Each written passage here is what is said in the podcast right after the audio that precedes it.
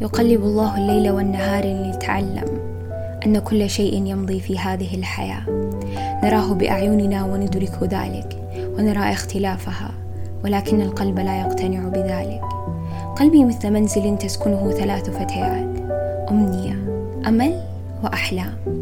ولكل منهما عالمها وتخيلاتها التي تريدها أن تتحقق على أرض الواقع.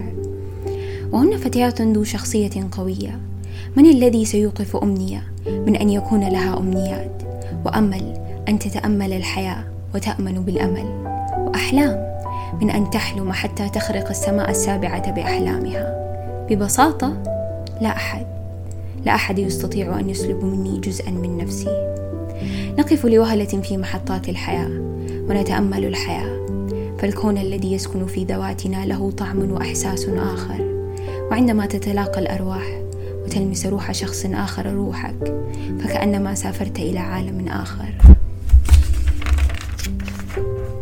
فلبعض الأشخاص أرواح تلونت بالفن مثل أبيات شعر خطت بماء الذهب بالخط الفارسي القديم مثل هدوء الليل وسط الصحراء هدوء الزمان والمكان جلب السكينة والمقلة ناظرتان إلى الفلك. من جمال ما رأيت سلبت الكلمات من فمي وحتى النفس. مثل مغامرة على مثل سفينة قرصان. ذهبنا بحثا عن الكنز. وفي قرارة ذات الحقيقة كان الكنز تلاقي الأرواح. مثل رحلة الغوص في المحيط. فكرة الغوص في بعض الأشخاص ومعرفتهم. صعب. والأصعب السماح لهم بالغوص في أنفسنا. وأن نأتمنهم على أنفسنا صعب جدا. لو فكرنا في الأمر فالإنسان لا يمكنه أن يرى ولا يتنفس تحت الماء وبالرغم من ذلك نبحر في عالم يمكنه أن يقتلنا. ومن المؤسف من هو حي على هذه الحياة واختار أن لا يعيشها. فهذا أسوأ الشعور عافانا الله وإياكم. ننسى بعض الأحيان كم أننا ثمينون والأسوأ أننا ننسى كم نحن ثمينون في قلوب من نحبهم ويحبونا لدرجة أن لو بأيدينا لانتشلنا قارة بأكملها وأعدنا تشكيل شكل الكرة الأرضية فقط لأنكم وددتم ذلك ولا يوجد شيء في هذه الحياة أسمى من أن نجبر خواطركم. إذا لم إذا لم يخلقنا الله لإعمار أرضه لكنا اتخذنا جبر خواطركم وتدفئة أرواحكم منهجا لنا لنسلكه. القلب أبصر ووقف في محطة الحياة واستوعب ولكنه لا يكترث. لأن كل المعاني التي كانت لا تعني شيء صار لها معنى.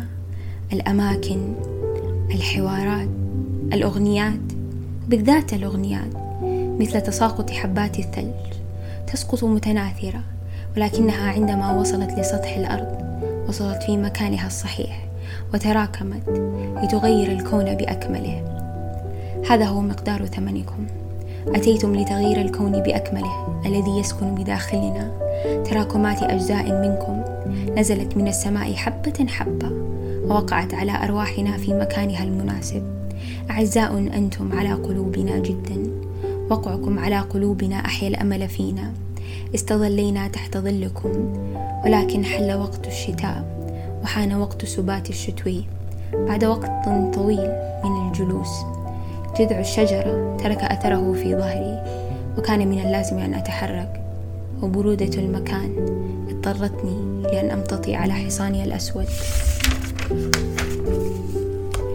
إلى المكان الذي أعرفه. أعرفه جيدا أنا وذاتي فقط حيث توجد مدفأتي وأسطواناتي الموسيقية وقلمي وأوراقي وآمالي وأمنياتي وأحلامي وكل أحاسيسي ومشاعري لنجلس على طاولة دائرية نحتسي الشاي ونعيد ترتيب كل شيء من جديد.